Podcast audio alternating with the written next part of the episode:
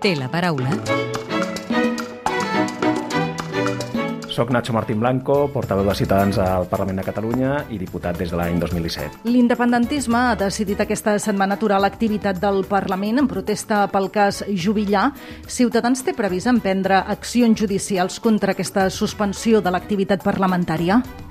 Bé, nosaltres eh, efectivament estem eh, plantejant-nos eh, accions eh, judicials perquè hi ha hagut una lesió del nostre dret com a diputat en algunes comissions que han quedat eh, suspeses per aquesta decisió, aquesta recomanació de la presidència del Parlament. És veritat que al final la cosa eh, s'ha aturat més aviat del que algú podria pensar i hem de veure exactament quines són les conseqüències eh, jurídiques que se'n poden derivar, però efectivament estem, estem estudiant quines accions eh, legals ens poden assistir per, eh, doncs, d'alguna manera, eh, rescabalar aquest, aquesta, aquest perjudici al nostre dret de participació política quan es suspenen de forma irregular comissions, com es va fer abans d'ahir amb algunes comissions eh, que s'havien de celebrar, però que aquelles comissions on hi havia una presidència de partits independentistes es van, es van suspendre, cosa que és bastant irregular.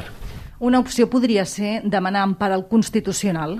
Sens dubte, la, la solució que un, eh, que un ciutadà o un polític, qualsevol eh, que visqui en aquest país, té per eh, defensar els seus drets i llibertats fonamentals és acudir en empara al Tribunal Constitucional i és una opció que nosaltres eh, efectivament estem, estem contemplant perquè és exactament això, és una vulneració d'un dret fonamental, que és, eh, crec que d'acord amb l'article 23 de la Constitució, el, el reconeixement del dret a la participació política i això qui ho tutela és Espanya i altres països, el Tribunal Constitucional, la màxima acord eh, constitucional del país. Creu que les resolucions de la Junta Electoral, que és un òrgan administratiu, s'han d'acatar abans que el Tribunal Suprem resolgui les mesures cautelars que en aquest cas han demanat el mateix diputat Jubillà i el mateix Parlament?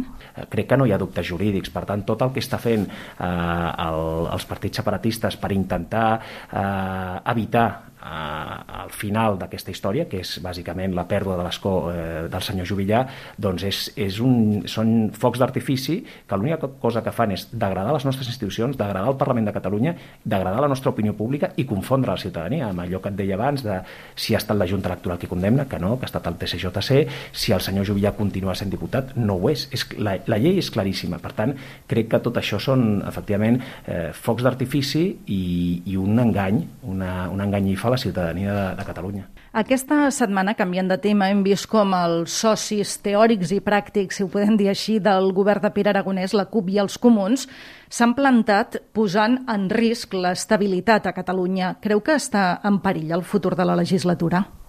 Bé, per desgràcia, la inestabilitat política és una constant en la vida política de, de Catalunya en els últims anys. Eh, S'ha normalitzat eh, que les legislatures puguin no durar quatre anys i això té uns perjudicis enormes per, la, per el desenvolupament econòmic, pel progrés econòmic de la nostra, de la nostra comunitat, en definitiva, per l'estabilitat i la seguretat jurídica del conjunt dels ciutadans de Catalunya. És, és perjudicial pels ciutadans de Catalunya que les legislatures no tinguin una, una durada normal. Les democràcies han establert a, a gairebé tot el món eh, eh, legislatures de 4, 5 5 anys, en alguns llocs una mica més, però en tot cas 4 anys és, una, és un període bastant homologable a altres parts del món i en canvi aquí estan durant les, legislatures, les legislatures dos anys i mig, eh, anys com a, com a normal i amb una inestabilitat política i una inseguretat jurídica que jo crec que perjudica enormement eh, el progrés econòmic i social de la nostra comunitat.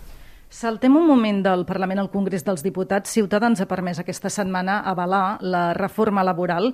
És una manera de recuperar la centralitat política? Poden convertir-se en socis, encara que sigui ocasional, del govern de Pedro Sánchez?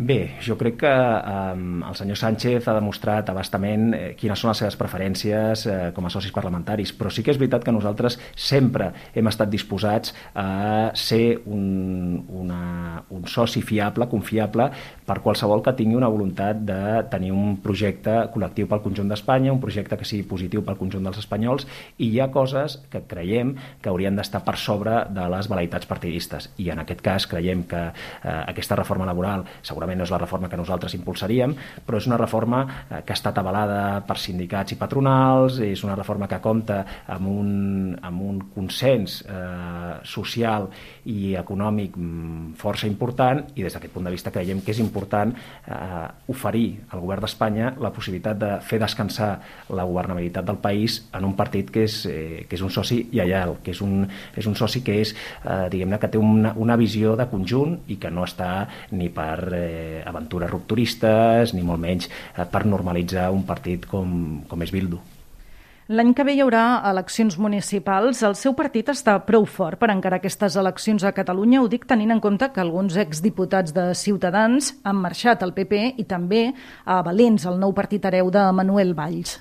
Nosaltres estem molt forts, hem, hem estat reunint-nos amb els nostres, amb els nostres representants eh, al territori, tant a la província de Barcelona com a la resta de les províncies catalanes, i mm, hem trobat una resposta molt entusiàstica als nostres regidors, dels nostres eh, representants eh, públics, i això es demostra en el fet que la immensa majoria dels nostres regidors continuen amb nosaltres. Jo comprenc que periodísticament té interès el fet que un diputat es converteixi, es, esdevingui un trànsfuga, i això és notícia sempre, sempre en democràcia, per això nosaltres sempre hem eh, combatut de forma molt intensa el transfugisme, però eh, més enllà de la notícia el que és evident és que Ciutadans continua mantenint eh, la pràctica totalitat dels seus càrrecs públics, que no són pocs, i de fet nosaltres organitzem, farem una convenció municipal els dies 25, 26 i 27 de febrer precisament eh, per eh, fer pinya amb els nostres regidors i per eh, plantejar i per preparar bé aquestes eleccions municipals de, de l'any 23 que seran molt importants pel nostre partit. Valents vol fer un front unitari del constitucionalisme de cara a les pròximes conteses electorals, pensant sobretot en les municipals. Seria possible veure una aliança entre Ciutadans, el PP i Valents? Bé, bé d'entrada, jo em sembla molt curiós que quan algun, algú, algú plantegi, en aquest cas eh, una nova formació, com és, com és Valents, plantegi l'acord la, o la unió entre els constitucionalistes, d'entrada ja descarti partits que es poden autonomenar tan constitucionalistes com ara el mateix Valents, eh, el PSC, Vox, i per tant, aquesta exclusió d'entrada que, fan, que fan alguns em sembla, si més no, discutible o, o curiosa. Eh, d'altra banda, nosaltres considerem que no es pot vestir un projecte polític que diu que vol eh, unir el constitucionalisme sobre la base del transfugisme i per tant no acabem eh, d'entendre aquest discurs eh, diguem-ne amb, amb aquesta pàtina de respectabilitat que és el fet de, de tenir un objectiu tan noble com voler unir el constitucionalisme quan després a la pràctica eh, el que estàs fent és en, la, en les teves modestes possibilitats eh, fragmentar-lo. Si li sembla bé, ens endinsem ara ja en el terreny més personal i li demano si pot contestar ara amb respostes al màxim de breus possibles. Per què va decidir entrar en política? Per aportar alguna cosa al benestar de, dels meus conciutadans, de, de la meva comunitat. Quins són els dos adjectius que millor el defineixen a vostè? Ostres, no és fàcil, però la veritat jo em considero una persona noble i, i honesta. És una mica pretensiós dir això, però em considero noble i honest. Quina injustícia social l'enerva més? La discriminació contra el col·lectiu LGTBI. Amb quina música s'identifica?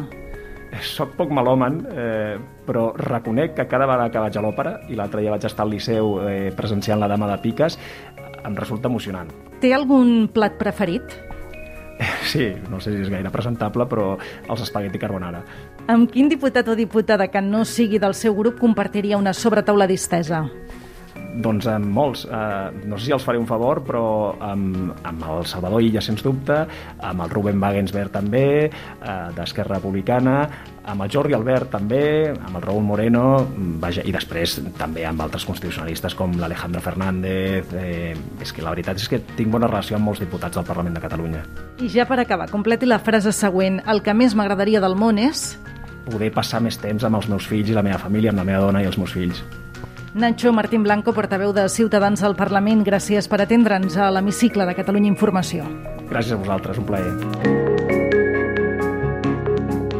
Podeu tornar a escoltar l'hemicicle al web catradio.cat barra hemicicle o al podcast del programa i seguir l'actualitat del Parlament al perfil de Twitter arroba L-hemicicle.